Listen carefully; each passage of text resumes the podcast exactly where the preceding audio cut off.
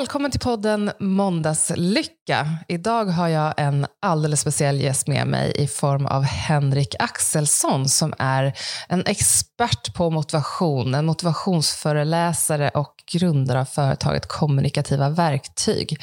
Och jag fick upp ögonen första gången för dig, Henrik, på LinkedIn, där du eh, är aktiv och har ett stort engagemang från dina följare. Du eh, delar med dig av dina kunskaper om motivation och hur, eh, eh, hur motivation och hela livet hänger ihop. Och du har ju även, du brukar dela med dig av, av kort i din profil där eh, man får olika verktyg för att eh, jobba med, eh, med det här. Ehm, men varmt välkommen Henrik. Vad kul det här ska bli. Tack så mycket Sandra. Jätteroligt att vara med. Tack. Um, vi kan väl börja med, för jag har ju såklart spanat lite på din, rekryterare som jag är, spanat på din eh, profil på LinkedIn. Och du har ju en jättespännande bakgrund där, eh, som började någonstans, eller den började säkert innan det, men du har ju varit polis och du har jobbat med kommunikation. Berätta, var, eh, var börjar vi? Mm. Ja, men jag, jag, jag tänkte vi kan börja riktigt långt bak i tiden, eh, egentligen kring min, min uppväxt. För förstå på något sätt helheten till varför jag hamnat där jag hamnat idag och hur det hänger samman och allt det du pratar om med motivation och välmående och så vidare. Mm. Eh, under några år där i början av, av min, efter min födelse så, så växte jag upp i ett eh, utsatt område, skulle jag vilja säga. Ett traditionellt miljonprogramsområde med allt eh, vad det innebär mm. eh, ur socioekonomisk synpunkt och så vidare. Mm. Eh, och det formade mig ganska mycket, skulle jag säga. Att det blev en väldigt tydlig drivkraft. Att när jag bodde där så insåg jag att det fanns människor i min omgivning som hade saker i livet som vi inte hade. Eh, de hade väldigt mycket materialistiska saker. Eh, de kunde köpa saker, de kunde bo i vissa områden, de kunde åka på resor, de kunde ha fina bilar och så vidare. Mm. Saker som vi inte hade. Vi hade typ ingenting mer än, än liksom en tvåa och det var jag, och min bror och min mor som bodde där. Mm. Eh, och det blev en drivkraft för mig. Det blev väldigt viktigt för mig på något sätt att sträva efter på, på liksom det här materialistiska. Det blev en, en inriktning för mig i livet som blev väldigt stark. Att jag ville också ha det som jag upplevde att alla andra hade. Mm. Eh, och Det gjorde att jag passerade förbi och igenom en hel del olika eh, företag och organisationer med ett litet flackande eh, inriktning. Det var inte riktigt helt tydligt exakt eh, vad det var jag ville landa i, men jag visste hela tiden att jag ville gå långt, jag ville skapa en karriär. Så oavsett var jag än liksom hamnade någonstans, om det så var att jag började inom restaurangbranschen, mm. så var det liksom, ja, men då var det fokus inte på att jobba på den lokala krogen, utan då, ska, då skulle jag ändå gå på de finaste restaurangerna i världen. Det var hela tiden målet att, att klättra då på någon form av status. Mm. Eh, och så småningom så eh, landade jag av väldigt många olika vägar i ett polisyrke.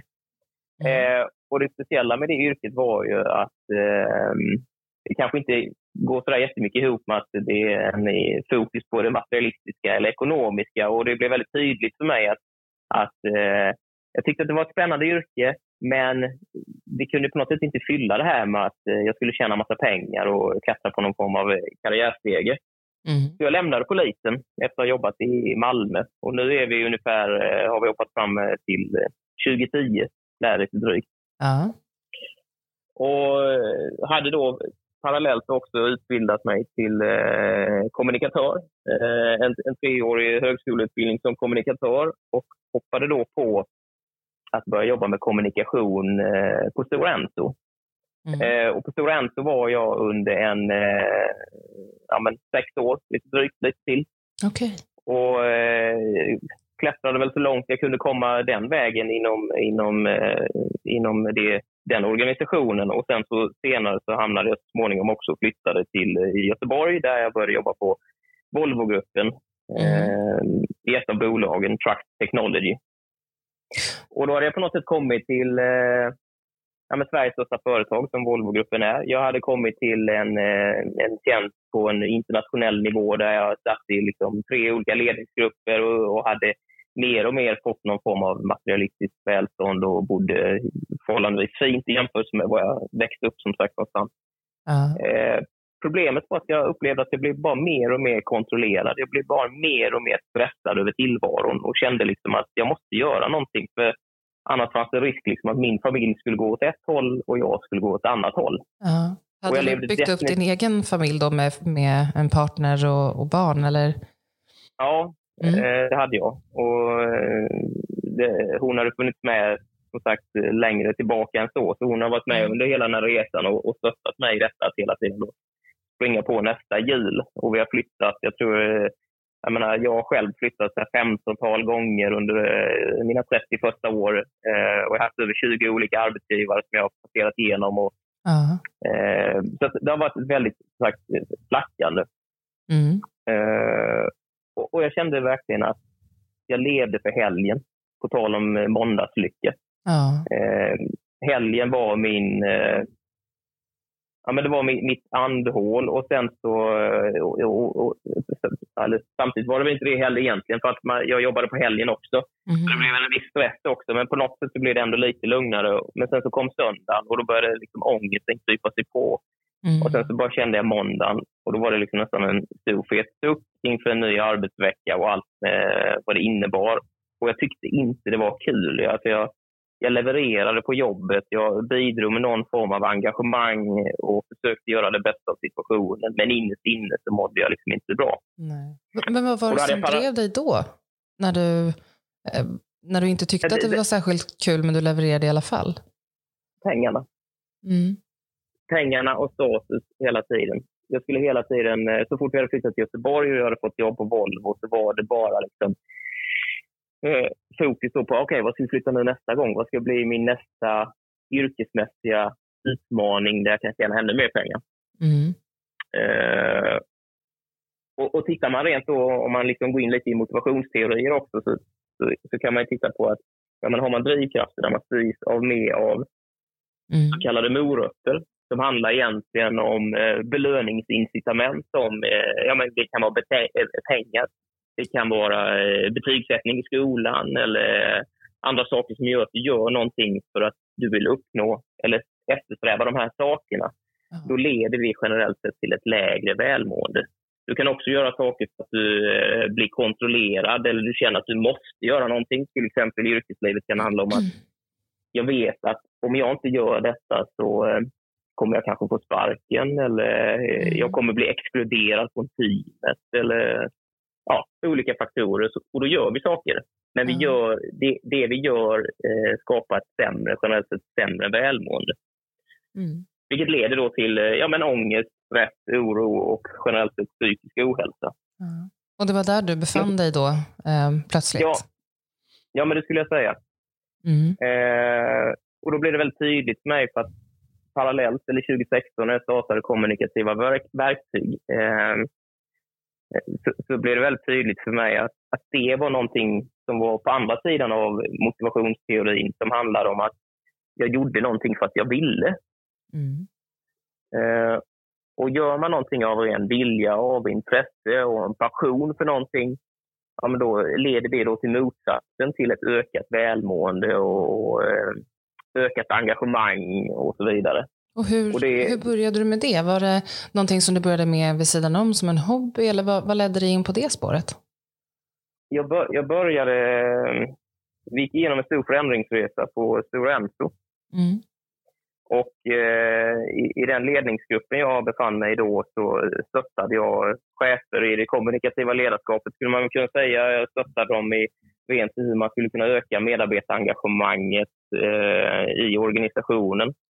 Mm. Och varje gång jag gjorde det här så upplevde jag att cheferna tyckte att det var ganska svårt eh, att greppa det jag pratade om, eh, men också greppa kopplingen till engagemang, till kultur eh, och välmående generellt och motivation och så vidare. Hur man kunde få medarbetare att skapa någon form av drivkraft hos medarbetare.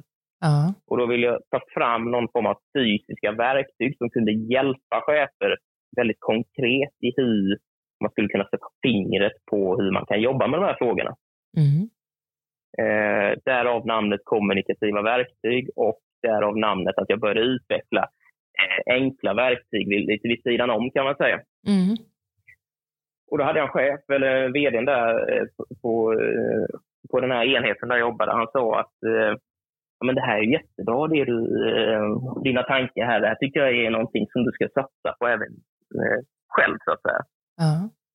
Jag är en väldigt stöttande chef där. Ja, För han förstod väl att det skulle kunna innebära att du till slut kanske sysselsatte dig med det på heltid? Ja, precis. Och det, och det var aldrig någonting jag själv eh, tänkte på just i det läget. Eller jag såg kanske inte ens det framför mig. Utan jag, jag såg det bara som ytterligare ett redskap att kunna använda i min yrkesroll där jag var. Uh. Och, eh, ja, men sen fick jag även feedback från andra chefer som då började använda det här verktyget. Eh, att, ja, men det var väldigt så pedagogiskt, de tyckte det var tydligt, de tyckte det var enkelt, de tyckte det var bra. De fick mm. bra dialog med sina medarbetare. Eh, så, så jag började smått eh, utveckla det här vid sidan om till ett mer ett helt annat koncept egentligen. Med en helt annan, jag tog in liksom en, en byrå som hjälpte mig med hela liksom, grafiska profilen. För hit hade jag bara skapat något enkelt själv i design ungefär. Mm.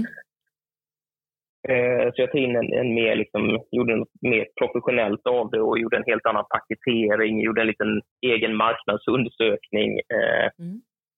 Och eh, sen så körde jag tillsammans med en annan konsult eh, vid namn Johan Bok. Vi körde en liten session där 2017 då vi körde runt, runt om i eh, Sverige och eh, talade just om eh, engagemang och motivation och då hade jag, var en del av de här verktygen med.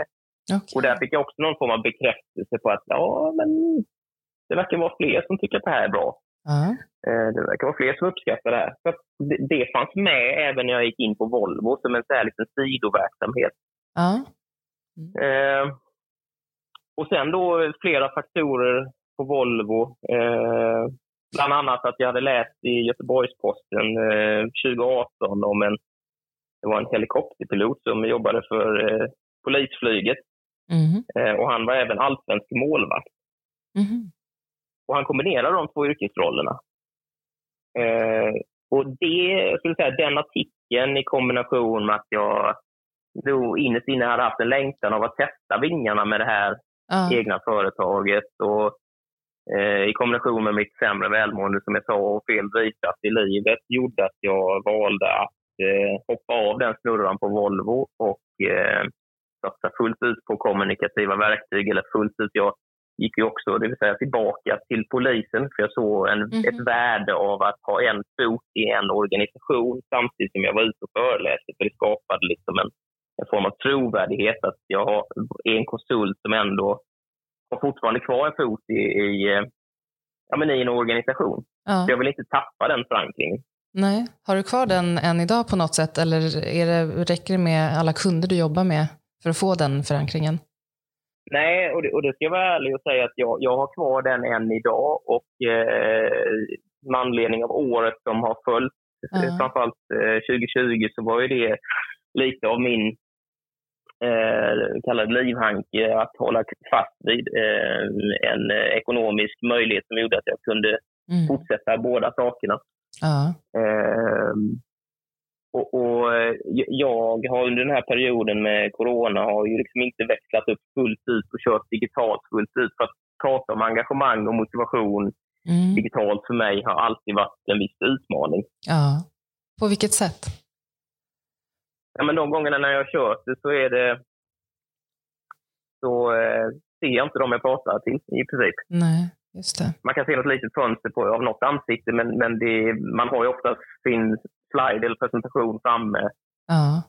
Och det innebär att när man står och föreläser framför skärm så får man inte direkt den direkta återkopplingen. Man får inte närvaron i rummet. Man får liksom inte känslan av, okej, okay, det är kroppsspråket jag gjorde nu eller den ja. tonen jag höll eller det, den kommentaren eller vad det nu är som jag gjorde vet jag inte hur den togs emot. Nej. Vilket är väldigt svårt att under föreläsningens gång kunna förändra, kunna anpassa, känna av energin och så vidare. Ja, jag förstår.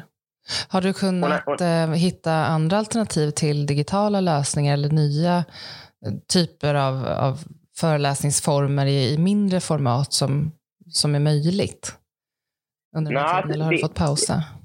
det jag gjorde var att visst, hade det bara varit min, min eh, vad ska man säga, min försörjning, då hade jag ju mer eller mindre varit tvungen, som många av mina konsultkollegor så att säga, kör, att fortsätta med och skapa en mer digital plattform. Mm. Det jag gjorde istället under 2020 var att fortsätta utveckla mina verktyg.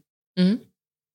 Eh, tog fram ett nytt verktyg, eh, ett, ett, ett annat verktyg som kommer släppas här nu eh, inom en dryg vecka eh, med just fokus på motivation och engagemang. Ett, ett nytt dialog, eh, kommunikativt spelkort, så att säga, ny kortlek. Okej, vad kul. Ja, mm. eh, och, sen, och sen så skrev jag även då en bok under 2020 eh, med fokus på, eller grundidén var att jag tänkte att jag skulle skriva om eh, alla de inläggen jag lägger på LinkedIn. Mm. Eh, jag, jag, publicerar nästan dagligen, eh, har stundtals genererat väldigt mycket positivitet. Mm. Det verkar vara många som har uppskattat de här inläggen och de har fått bra spridning och mm, eh, har, hjälpt, har hjälpt många personer. Och då vill jag på något sätt paketera de där inläggen, eller några av de kanske mest främsta, mest populära inläggen eh, i en bok. Och jag ville liksom utveckla lite det resonemanget kring de här inläggen. Så det var väl det som blev ingången tillsammans med eh, tiden som fanns över i och med eh, påverkan av eh, coronan eller coviden. Mm. Ja, men vad spännande. Eller bra, bra. För precis som du säger, det var ju så jag fick upp ögonen för dig. Att du lägger ut eh, väldigt mycket bra på LinkedIn som eh, jag tror att jättemånga av oss har hjälp av. Både i sitt dagliga arbete men också bara i att faktiskt reflektera över sin tillvaro och hur man vill ha det och vad man kan göra för att förändra. När vi mm. ändå pratar om, eh, när vi ändå pratar om engagemang och motivation, um, är det samma sak? Hänger de ihop? Vad, eller är det skillnad på dem? Nej, men absolut att de hänger samman. Eh, om, om vi liksom inte, jag menar, motivation är någonting som finns med oss hela tiden. Motivation innebär ju att allting vi gör under dagen, från att vi vaknar under morgonen till att vi liksom börjar göra saker, är ju egentligen motivation. Mm. Sen gör vi dem av olika anledningar, av olika drivkrafter som jag var inne och pekade på. Mm. Och gör vi då mer saker av rätt anledning, eh, framför allt då med fokus på viljan, ja, men då ökar ju det sannolikheten till en ökat, eller ökat engagemang, ökat välmående. Så där, därmed har du en direkt eh, korrelation skulle jag säga.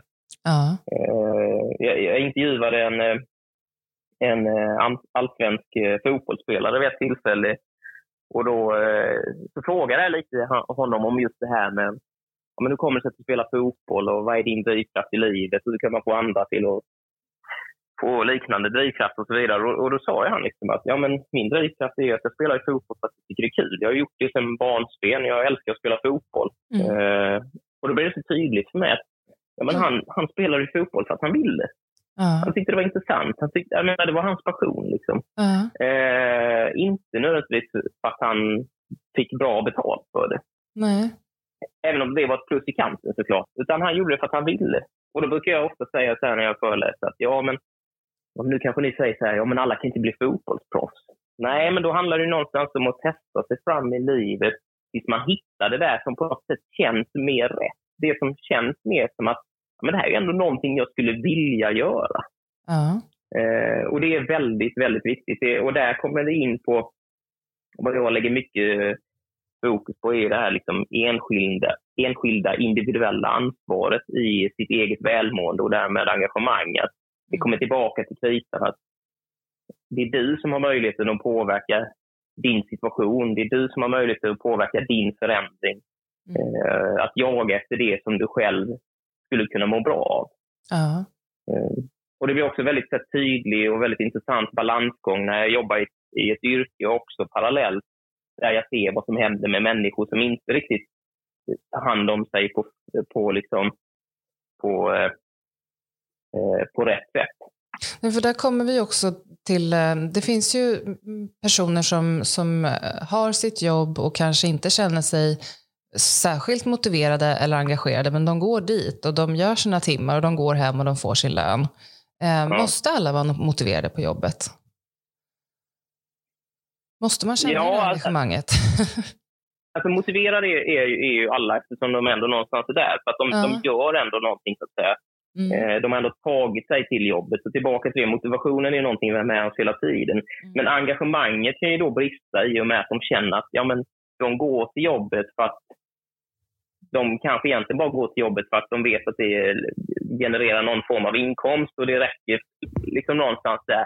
Men det, det genererar inte någon större arbetsglädje mm. eller därmed engagemang. Mm. Och då, då kan man jag kan tycka livet är mer värdefullt än att kasta bort det med en längtan till passionen. Mm. Jag kan alltså ofta, för mig har det varit otroligt viktigt att verkligen tycka att det jag gör är roligt och meningsfullt. Vi spenderar så mycket tid på våra arbetsplatser och så mycket tid som vi faktiskt spenderar ifrån eh, de som är viktigast för oss, kanske sina barn. Um, mm. Och jag har alltid resonerat så att ska jag göra någonting åtta timmar om dagen som innebär att jag inte kan umgås med mina barn, då ska jag, då ska jag göra mm. någonting som verkligen är meningsfullt för mig. Um, men Precis. där är ju alla olika i hur man resonerar. Och då tänker mm. jag de som resonerar som så att nej men mitt jobb är bara mitt jobb och jag går dit eh, och är då motiverad i åtta timmar men, men jag, eh, det är inte det som ger mig energi och glädje. Hur eh, har man liksom kunnat se att livet eh, utöver jobbet påverkas om man är i en sån arbetssituation?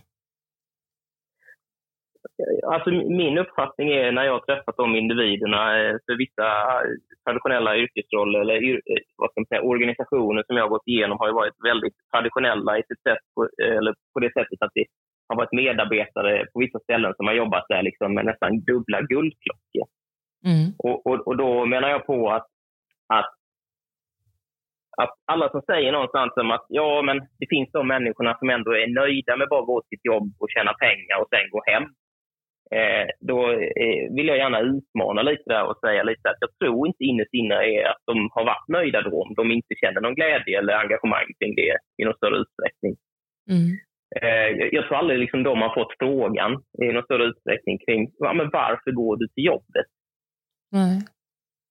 Och, och det, det, tycker jag är en frågeställning som jag uppmuntrar ledare och chefer att ta med sina medarbetare. Mm. Att, ställa frågan så här, varför går du till jobbet? Vad brinner du för? Vad tycker du är kul? Alltså, vad är det som liksom skapar sån här, det här tycker jag är riktigt roligt att jobba med? Ja. Och hade man kunnat börja gräva lite i den frågeställningen till sina medarbetare istället för att fråga så här, vad gör du om fem år? Ja. Då kanske man istället kan hjälpa den här personen att antingen utvecklas inne i organisationen eller inom organisationen eller utvecklas någonstans utanför. Mm. Och det här är det, också, det, det, kräver ju lite mod från en chef att göra det. Eh, det kan ju, precis som du säger, det kan ju vara eh, en resa inom företaget eller att en medarbetare faktiskt till och med kommer fram till att nej men det är ju inte här jag ska vara, jag ska ju vara någon annanstans. Eh, för som chef kan det ju också vara väldigt skönt att låta liksom status quo råda, att inte liksom väcka mm. den björn som sover. Mm. Um, vad får du för reaktioner från de ledare du jobbar med när du föreslår att de ska, ska ta de här samtalen? Nej, men jag, jag gör det i kombination med att, jag menar, till exempel den frågeställningen jag nämnde där med varför du går till jobbet, det är ett av mina verktyg till exempel. Mm. Eh, och, och, och, då menar jag på att genom att använda det i ett verktyg så blir det på något sätt mer neutraliserat än att du som chef ställer den frågan rakt upp och ner. Det vill säga att om jag som medarbetare tar ett kort och så står det så här, varför går jag till jobbet? Ja. då är det jag som ska svara på den frågan och det är inte du som chef som har sagt till mig att jag ska svara på den frågan, utan jag tog själv kortet och jag valde att svara på den eller att inte svara på den. Uh eh, och då får man en lite mer distans. Men sen så kommer det också tillbaka till att det här bygger egentligen på kommunikation. Uh Alltså du kan inte bara stanna och säga så här, var, varför går du till jobbet? Ungefär som att, eh, ja men passar det inte så kan du eh, gå och jobba någon annanstans. Alltså, Mm. Det här är ju fingertoppskänsla. Det här är ju någonstans, då måste man kunna med sin kommunikation utveckla, som jag menar på. Då, att varför går du till jobbet? Vad är det egentligen som brinner? Alltså, hur kan jag hjälpa dig till att verkligen bara, det här skulle jag vilja göra mer av eller det här skulle jag vilja göra mindre av. Finns det någonting inom det här företaget eller organisationen som jag kan hjälpa dig för så vi kan liksom bara, du tycker att det är ännu roligare att komma till jobbet? Och säger då medarbetaren, ja, jag tycker det är rätt kul att pula lite med det här eller pilla lite med de här sakerna eller vad det nu är. Ja. Ja, men har vi det här, ja men då klart att vi ska hjälpa dig att gå i den riktningen eller utbilda dig eller vad det är. Men har vi inte det, ja, men alltså, jag känner någon på det företaget eller organisationen där. Skulle du vilja ta, ta kontakt med den där? Eller? Alltså, ja. Mm. Lite åt det hållet. Om man nu eh, om man är en medarbetare som, som visserligen, precis som du säger, är motiverad, för det är vi ju alla då eftersom att vi ändå går upp på morgonen och klär på oss och går till jobbet. Ja. Um, ja. Men man märker att jag eh, är inte engagerad i mitt jobb. Vad kan man göra? Nej. Finns det liksom något sätt att starta igång? Har du någon, eh, några tips? Det, det, det, jag brukar göra är att tipsa om, och, och också som jag skrivit om i boken, det är egentligen att om du bara vill ha ett konkret tips, det är att du tar ett vitt papper mm. och så drar du ett streck rakt i mitten eh, på pappret och så på ena sidan så skriver du eh, morot i mm. princip. Och det andra skriver du barnasinnet, det vill säga de här sakerna som är kul och kittlande och nyfiket och spännande och så vidare. Mm. Och så funderar du från att du vaknar till att du går och lägger dig, så börjar du fundera på vad är det nu jag gör under den här dagen? Om det så är att gå och träna, tömma diskmaskinen, eh, om det är specifika arbetsuppgifter på jobbet och så vidare. Mm. Så kategorisera in dem och tänk i den här skalan. Så funderar jag på så här, ja, men gå och träna då till exempel. Gör jag det för att jag tycker att det är kul, för att det är intressant och mm. för att jag vill det? Eller gör det för att jag känner att jag bara måste? Det är bara jobbigt. Det, det finns liksom någon form av kontroll kopplat till det. Mm. Eh, likadant i jobbet. Gör de här arbetsuppgifterna för att jag känner att jag har en chef som kontrollerar mig eller för att jag känner att jag måste upprätthålla min livsstil med mina två bilar, min Thailandsresa en gång om året och min villa som står någonstans i någon eh, förort någonstans i Sverige. Mm. Eh, och sen har jag placerat ut de här aktiviteterna. Skulle jag se då att jag har väldigt många aktiviteter under måste och den kontrollerade delen, det vill säga fiska och morot, mm då kommer det sannolikt påverka och har påverkat redan ditt välmående och ditt engagemang. Det vill säga att du kommer säkert redan vara i den situationen där jag visst var i, där du känner dig mer stressad, mer pressad, eh, sämre engagemang, sämre välmående, mer ångest och så vidare. Mer leva för helgen och mindre för måndagarna. Mm. Och det enda som kan förändra den situationen är du.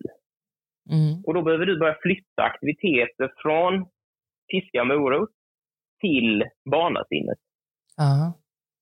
Som i mitt fall, så här, ja, men att gå till Volvo för mig, inget ont om Volvo, Nej. men att gå för Volvo till mig gjorde inte, mig, eller gjorde inte att jag mådde bra. Utan jag gick dit på grund av moroten. Jag gick dit i mångt och mycket för att det genererade pengar och någon form av status.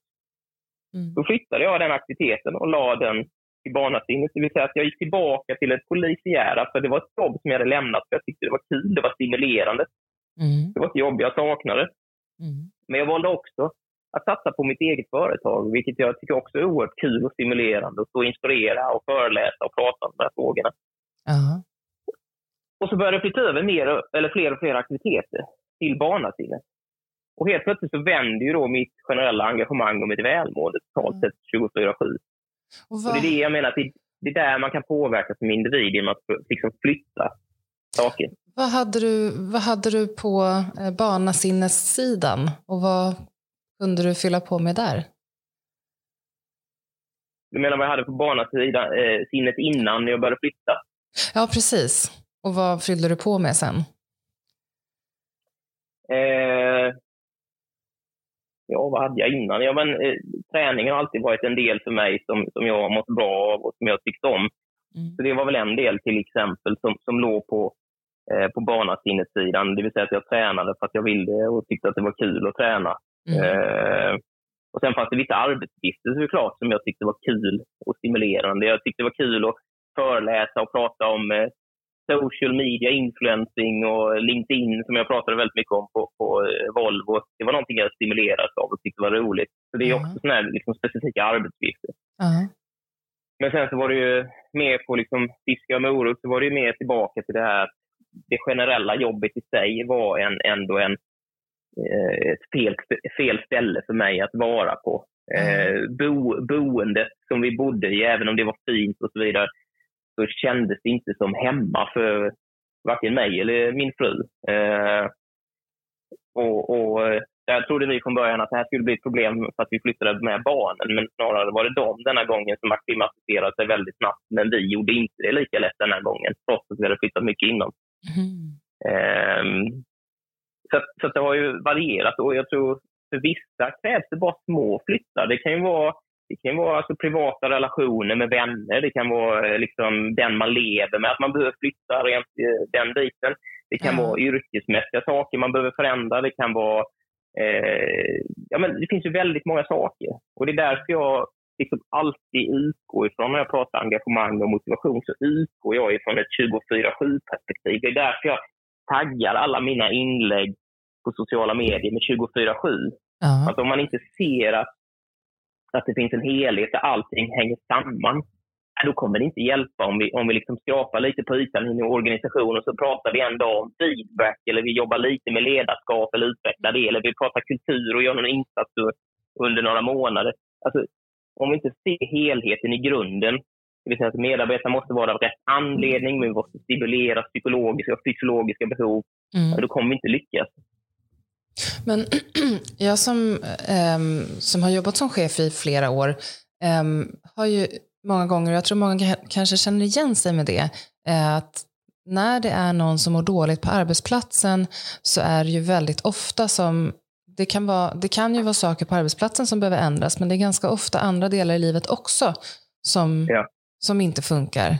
Um, och där tycker jag att det alltid är en utmaning som arbetsgivare att veta hur långt går min möjlighet och min skyldighet att hjälpa den här personen och var, um, var ska jag inte blanda mig så att säga. Vad tänker du kring det?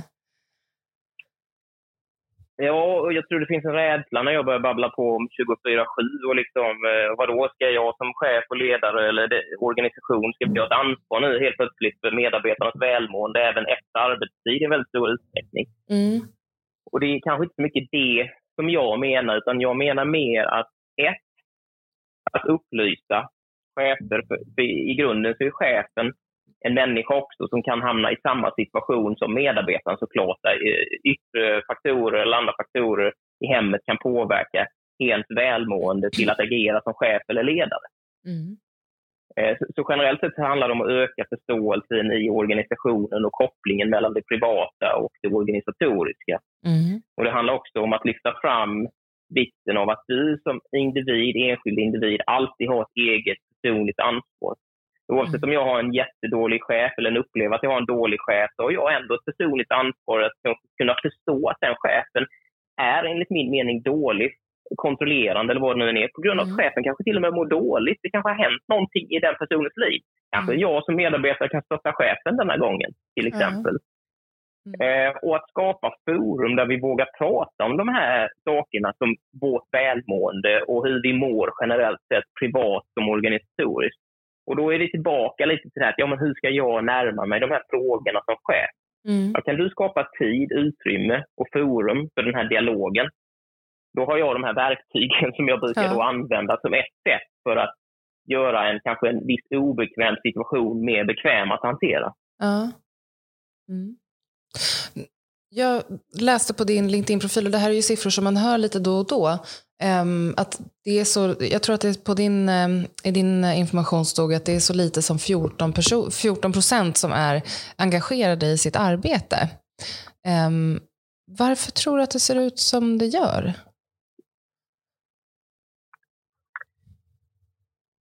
Var, varför vi har gått i den riktningen eller hur det en ja. gång har varit om man skulle mäta jättelångt tillbaka. Eh, det vet jag faktiskt inte. Det, det enda jag vet är vid de senaste undersökningarna inom liksom ett tioårsspann tillbaka som Gallup då har gjort de här undersökningarna så har det ju generellt sett varit ett lågt engagemang. Mm. Och, och, jag, tror, jag tror att en faktor, och jag har inga bevis eller belägg för att det här skulle ha ökat under åren som har gått eller, eller liknande, men, men en faktor tror jag är att vi har ett system där vi vi väljer en karriär i livet och sen blir vi ganska snabbt låsta vid den karriären för att vi skapar oss en livsstil. Mm. Vi skapar oss en tillvaro. Vi, skapar, vi, alltså jag menar, vi, vi köper vårt hus kanske och sätter oss med ett ganska fattigt banklån. Mm. Vi sätter ungarna i, i skola och de skapar sina nätverk.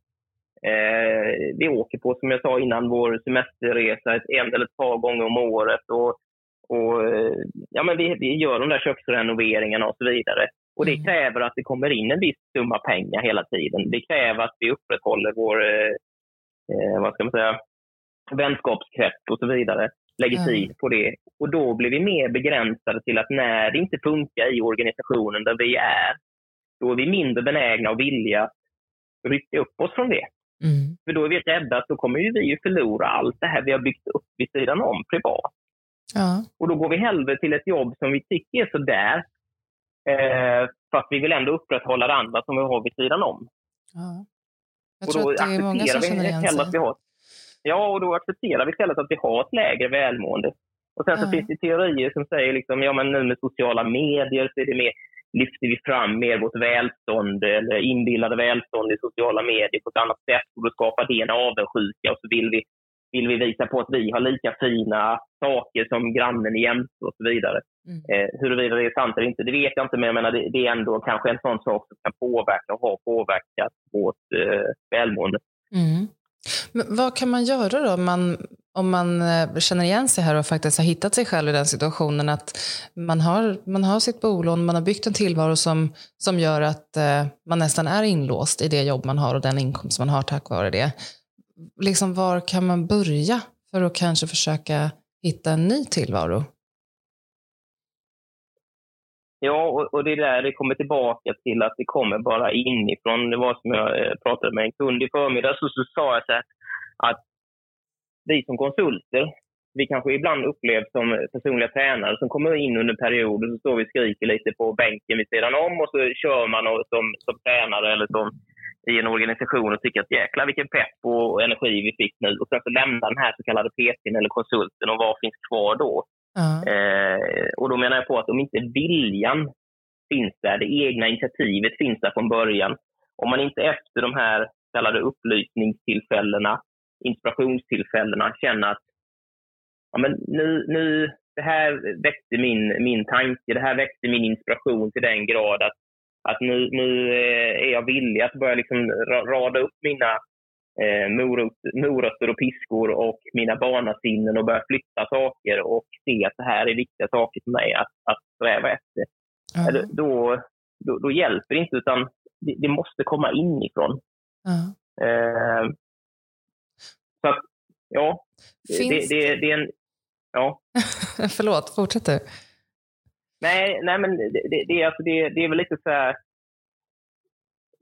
det är som att skjuta sig själv i foten som konsult kanske och vara så pass superärlig och säga att i, till syvende och sist så är det du själv som måste vilja den här förändringen. För att visst, vi kan köra en, en eh, kick-off eller något spännande happy daisy under, under ett års tid, men i slutändan är det så att ja, men om du inte har sett och värdet av detta utan fortfarande, fortfarande faller tillbaka i någon form av offerkofta och ursäkter i din situation, då kommer ju inte tillvaron att förändras oavsett om det gäller fysisk träning eller om det gäller ditt eget liv till att förändras eller vad det nu än handlar om. Mm. Mm. Nej. och, då, och, och, och, då kanske det låter så här, ja, men nu är du väldigt hård, nu är du väldigt där, du förstår ju att alla har inte samma förutsättningar. Det är många som har svårt i livet och så vidare. Och visst, mm. jag kan inte jag kan inte säga så svart eller vitt, men vad jag kan säga är att har jag själv gjort en resa av att ha gått från ett miljonprogramsområde där jag själv har ryckt upp mina barn från skola, förskola, där jag själv har sålt en villa med stor förlust och inte för den delen är superrik eller kan hantera det på det sättet, så då visar jag ju ändå att ja, men jag, kan jag, och jag är ingen unik människa på det sättet, så kan du också. Mm. Alla kan. Mm. Um, har du märkt uh, att det har varit svårare för människor att, att hitta motivationen eller vara engagerad i jobbet under uh, som det här året vi har haft med en pandemi och där vi alla har levt faktiskt i en, i en kris med uh, olika stor rädsla för, för våran, vårat liv och vårt välmående?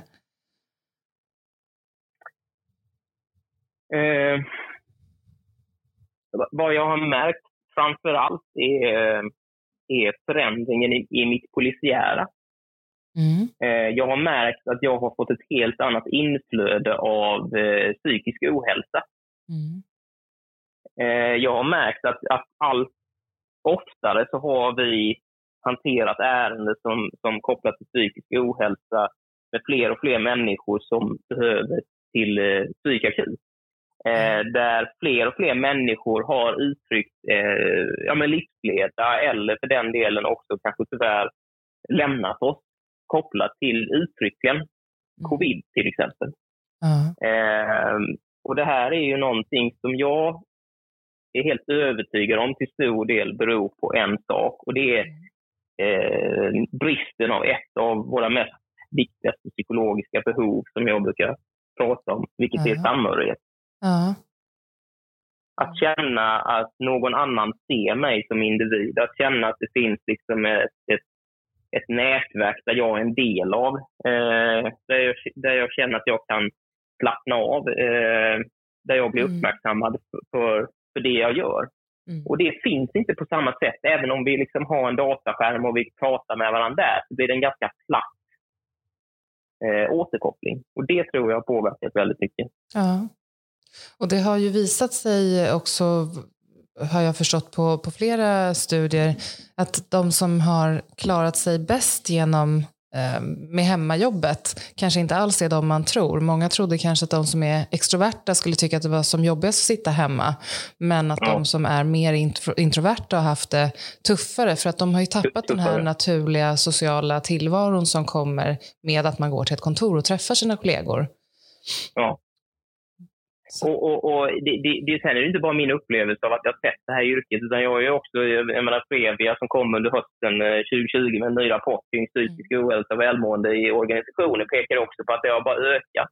Mm. Och nu senast så pratade man också om att det är framförallt väldigt unga människor också som påverkas av det här. Så att man ska inte mm. underskatta eh, vikten av att ses och träffas.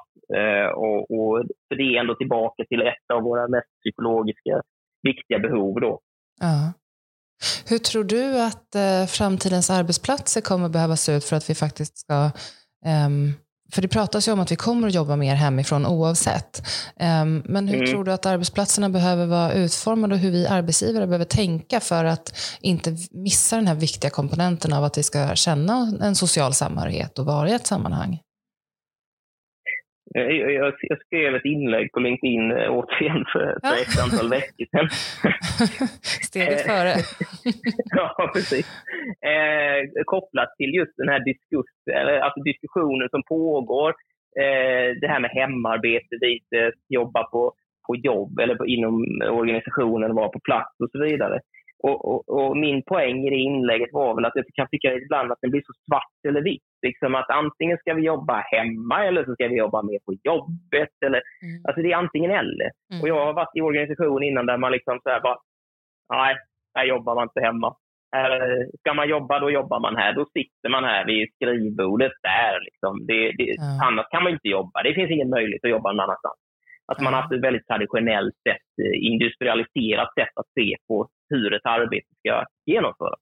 Mm. Eh, och då tillbaka till din fråga så menar jag på att jag tror att framtidens arbetsplats förhoppningsvis går mot en, en, en tid där vi har arbetsplatser.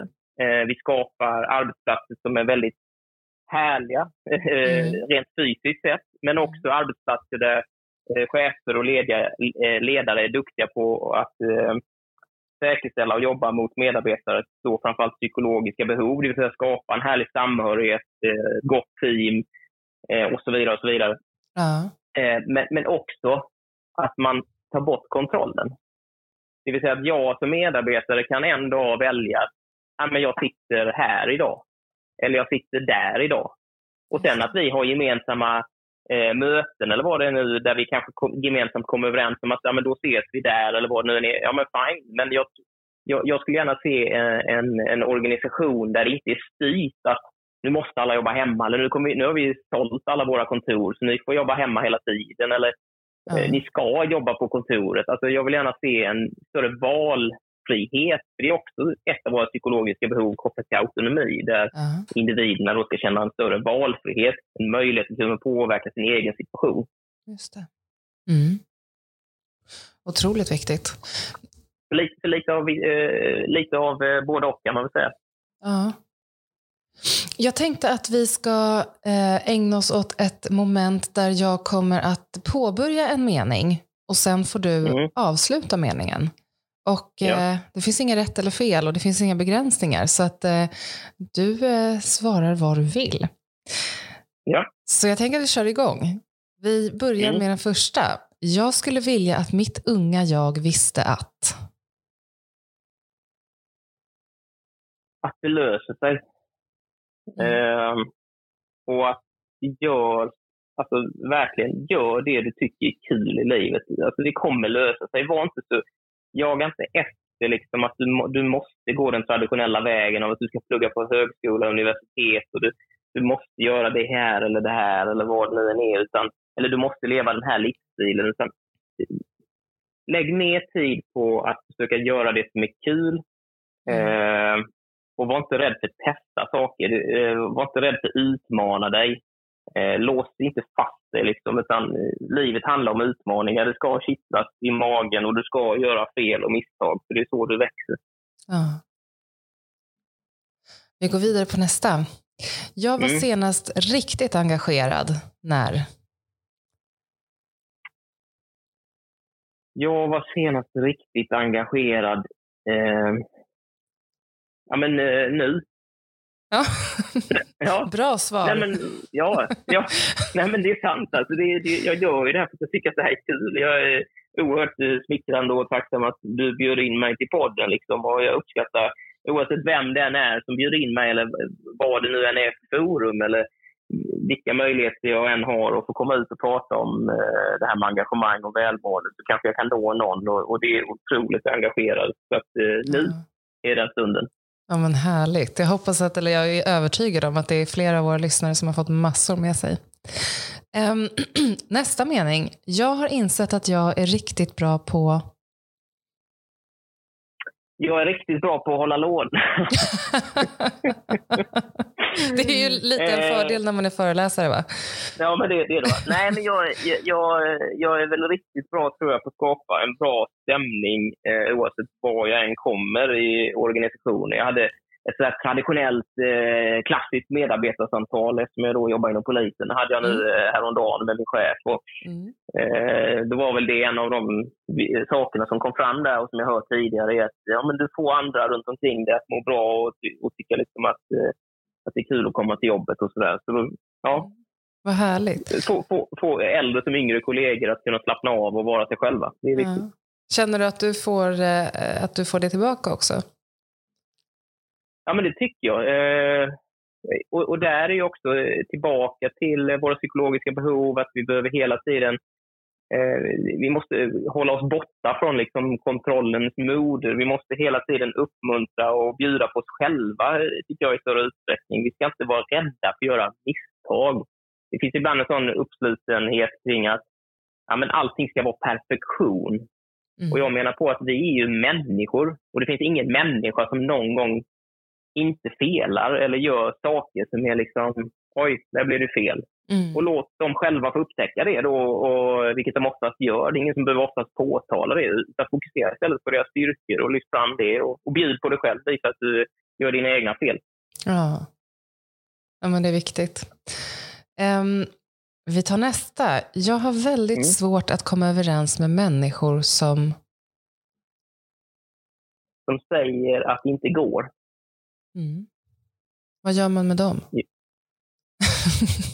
Nej, men jag håller låda tills jag är omvänd. nej. tills de nej. ger upp. ja, nej, men jag har väl svårt och, och jag har själv svårt att inte se att det finns en lösning på de flesta saker. Jag, jag, jag har svårt för det här att, att, säga att ja, men det går inte eller vi har alltid gjort så här. Det, det, nej, men det där har vi redan provat. Det är ingen idé mm. vi försöker igen eller vad det nu än är. Eh, för jag har så många gånger tycker jag kunnat bevisa att det har visst gått. Det blev en annan väg dit, men det gick ju. Jag tycker att, att det, eh, jag är väl optimist. Något du säger också som jag själv tycker är otroligt viktigt är att det finns ju faktiskt just den här föreställningen när man säger att nej men det har vi redan provat och det gick inte. Jag tycker att det är så många bra möjligheter som vi går miste om när vi har den inställningen. För att vi måste alltid ja. komma ihåg att ja, men det du testade, den idén som du testade då i den tiden med de förutsättningarna, den kanske inte funkade då. Men nu fem år Nej. senare så är den idén briljant och funkar hur bra som helst. Så att jag blir nästan triggad när någon säger att Nej, men vi har redan testat det och det funkar inte. Nej, men, då, då blir jag nästan ännu mer sugen på att testa det på nytt. Ja, men lite så motbevisa eh, tesen lite sådär. Och Ja. Jag vet på, på Stora, Stora M, så inom pappersdivisionen som jag verkar om, och det fick liksom strukturella förändringar och man minskade på tidningspapper som var huvudprodukten och världsledaren och allt vad det var. Det var liksom bara en rakt ner i källan. Många Mm. människor fick lämna och eh, produktionskapacitet togs bort. Och då var det så här, ja men vi har ju en råvara, skogsråvara. Vad, vad, vad ska vi göra av nu på den här enheten där vi sitter? Och jag kan säga att alltså, det, det var uppe idéer om det var uppe idéer om räkfarmer, det var uppe idéer Wow. om tomatodlingar, det var uppe idéer om allt, allt möjligt. Det var liksom inga hade, inga, det fanns liksom ingen som sa då att nej, det kan vi inte göra. Nej. Utan, utan vi menar på att här har vi liksom, vi har avlopp, eh, möjligheter, vi har liksom eh, reningsverk, vi har möjligheter med energiförsörjning, självförsörjning och alltså, vi har massa olika möjligheter i den här kapaciteten på den här enheten där vi var. Så vad kan vi göra? Och det var liksom bara fritt spåna. Och det, och det lyckades. En av de få enheterna inom hela den här koncernen som lyckades omvända den nedåtgående eh, spiralen och ta fram Wow. en ny råvara, vilket var en fantastisk resa att vara med om. Vad häftigt. Vad var, det som, eh, vad var resultatet? Eh, det, det som man har utvecklat och jobbar med nu idag, som har blivit lite av, jag ska inte säga Stora Ensos flaggskepp, för det är det väl kanske inte, men, men en av en viktig och kanske framtida viktig gren är Ja. eh, biokomposit som vi då påbörjade att utveckla. Det vill säga att man blandar träfiber eh, som producerades redan till tidningspappret och det Ja. blandade man då med eh, plast. Eh, och då fick man små pellets som sen kan formsprutas till all typ av plast som man har idag runt omkring sig. Om det så är liksom plasten i da- en dator som komponent eller en dammsugare eller överallt där vi har plast så har ju Ja. det formsprutats. Ja. Och genom att då trycka in träfiber i det istället så minskar du klimatavtryck, Mhm. eller footprintet då. Eh, vilket ur hållbarhetssynpunkt är väldigt positivt. ja, visst. Vad häftigt att vara med på Eh. den, om, om den resan. Ja, och just jag menar när vi väl då började landa i, när liksom matodlingarna och det försvann åt sidan. Och så började man då istället börja testa saker, och man började torka fiber, man slängde in, man tog med sig det hem in liksom i en torktumlare, man provade i mikro. Alltså det var väldigt här, sen började man bygga saker i, i, i fabriken. Och så, så det är väldigt, eh, ja, var en väldigt häftig resa att göra Ja, det låter så. faktiskt. Ja. Verkligen. Em, vi går vidare på meningarna. Nu kommer nästa. Det roligaste yrket tror jag är... Det yrket där man får göra saker som man själv vill göra. Mm. där man har stor påverkan. Eh, jag, jag har svårt att se att det kanske är ett yrke, för det är så individuellt. Det Mm. som är kul för någon är kanske inte roligt för någon annan. Så Mm. man måste utgå ifrån den enskilda. Eh, Just det. Men ett behov som Ja. människa är ju många gånger att eh, vad man än jobbar med, att vara med och påverka. ja, Jag tror det ligger ja, men det verkligen. Nästa, Tillbaka till det syftesdrivna. vad sa du, syftesdrivna? Ja, tillbaka till det att man känner att man är med och, och påverkar eller gör något positivt för något mer än bara liksom det ekonomiska hjulet. Ja. Vi pratade om på Stora M om någonting eh, do good for the people and the planet, vilket låter lite floskligt. Men om man Mm. tänker lite djupare i det så handlar det om att ja, men det vi gör här kan påverka liksom människor och planet på ett positivt sätt. Ja. Och då blir det lite mer intressant att, att jobba där tycker jag. Ja, ja, verkligen. Nästa mening. Eh, jag är rädd för... Eh, hundar är jag rädd för ibland. Aj då. ja, du är nog inte ensam. Det är många som är det. ja, nej. Och det är ju lite intressant med det jobb jag har vid sidan om också, då, som jag kallar för polisen. Med, det är ofta hundrelaterade ärenden så vi är på, men Ja. jag brukar hantera det ändå. Hur gör, vad, hur gör du då? Du bara biter ihop och, och finner dig i det, eller hur? Ja, ett är att jag... eh, Eller skicka fram kollegan. Ja, skicka fram kollegan. Ja, jo, men det kan man ju också. Nej, men antingen så försöker jag bara liksom att ignorera den här hunden totalt. ja. Eh, och sen är jag väldigt tydlig mot ägaren att sätta in hunden i ett annat rum. Annars så kommer den hunden tyvärr inte att leva längre. Mm. Mm. För det, för det, det finns tyvärr i den, i den världen så är det de hundarna så, så har de inte alltid haft en sån bra tillvaro, vilket gjort Ja. att de har, Ja, jag förstår. är tyvärr inte så snälla alla gånger. Nej. Nej, det är ju sorgligt. Ja. Och då kommer vi till nästa påstående, eller nästa mening, som är senaste gången jag grät så grät jag för. Eh, Senaste gången jag grät? Eh, men det var nog... Eh, eh, det är nog när mina barn på något sätt har mått dåligt i någon utsträckning. Om det har varit eh, eh, att det var kämpigt i skolan eh, av olika anledningar eller något liknande. Mm. Kan- det är kopplat, ja. Kan du använda dina yrkeskunskaper, alltså i, i engagemang och motivation, i de samtalen med dina barn? Eller är du, liksom, kan, Eh, är du bara pappa? nej. Eller blandas det ihop? nej, jag, jag, jag tror jag kan... När de blir... De är fortfarande relativt eh, unga. Det är liksom bara i början av lågstadiet, så att säga. Eh, så att jag, jag är nog inte där riktigt än. Det, det kan nog ha i vissa andra samtal med, med dem så, men, men mer tror jag att nej, det är nog bara som, som medmänniska att, att, det kan, att det kan kännas i sig själv. Liksom. Om, om de inte mår bra så känns det i sig själv såklart. Mm, ja, Eh, gör det. ja. Vi går till nästa. När Mm. jag vaknar på morgonen. Eh, så så eh, försöker jag gå upp med en gång. Eh, jag snosar inte. För då somnar jag bara om och sen så glömmer jag av att jag har snosat och sen så är det kört. Liksom.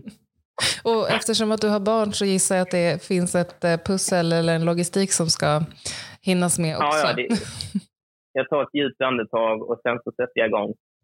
Ja. Man, man, man får se att det är en tid nu som det är, så- eller en tid, ja det har varit så en tid tillbaka Ja. också. Eh, men det är, det är så några år till framåt. Eh, och, eh, eller det kanske aldrig slutar, jag vet inte. Nej. Jag det, vet det inte får, vad man det är får man ju inte veta än. Nej, man får inte veta det. Man säger hela tiden ibland att ja, men bara de hade, om de nu hade blivit lite äldre då, då kommer det kanske bli lättare. Eller då kanske det, men, men jag inser ju att det fel jag har. Det blir, Ja, det är väl... det blir bara mer och fler saker. Ja, är det inte så man säger små barn små problem och stora barn större problem? Jo, men det, Om man nu vill se som det- ja. problem. Utmaningar kanske låter bättre. Utmaningar, ja, Ja. precis. precis. Ja. De är ju inte ett problem såklart. Um, sista meningen. Ehm, Mm. när jag behöver bli mer engagerad så. Ehm, så går jag och eh, tränar, Mm. skulle jag säga. Ja.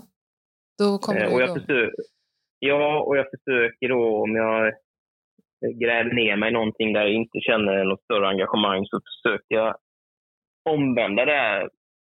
Samtidigt uppskattar jag också tillvaron av att den inte alltid är eh, nedförsbacke och eh, ljus. Vad ska man säga? Mm. Eh, att det är ljust hela tiden. Utan eh, li livet i sin helhet ska smärta lite och det ska kännas. Och, för då uppskattar man eh, när det är, allting är bra också på ett helt annat sätt. Så är det.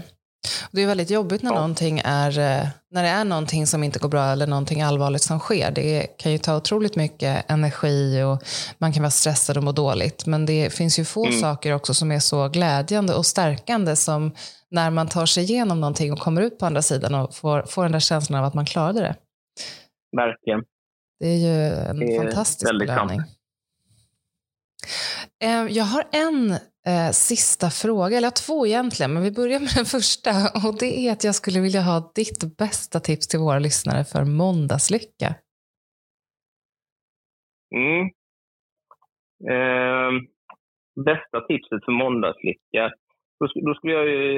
Eh, ba- Bara rakt upp och ner det snabbaste tipset för måndagslycka är att börja då fundera på varför jag gör det jag gör i livet eh, och ställa upp det enligt den eh, ordningen som jag nämnde innan, det vill säga att man kategoriserar eh, alla sina aktiviteter under en arbetsdag eller under en veckas tid eller vad det nu än är. Mm. Eh, och sen så börjar man se till att flytta så att man gör mer av aktiviteterna för att man faktiskt vill och inte för att man känner att man måste eller, eller att man känner att man ska eh, bli belönad för det eller av en annan anledning.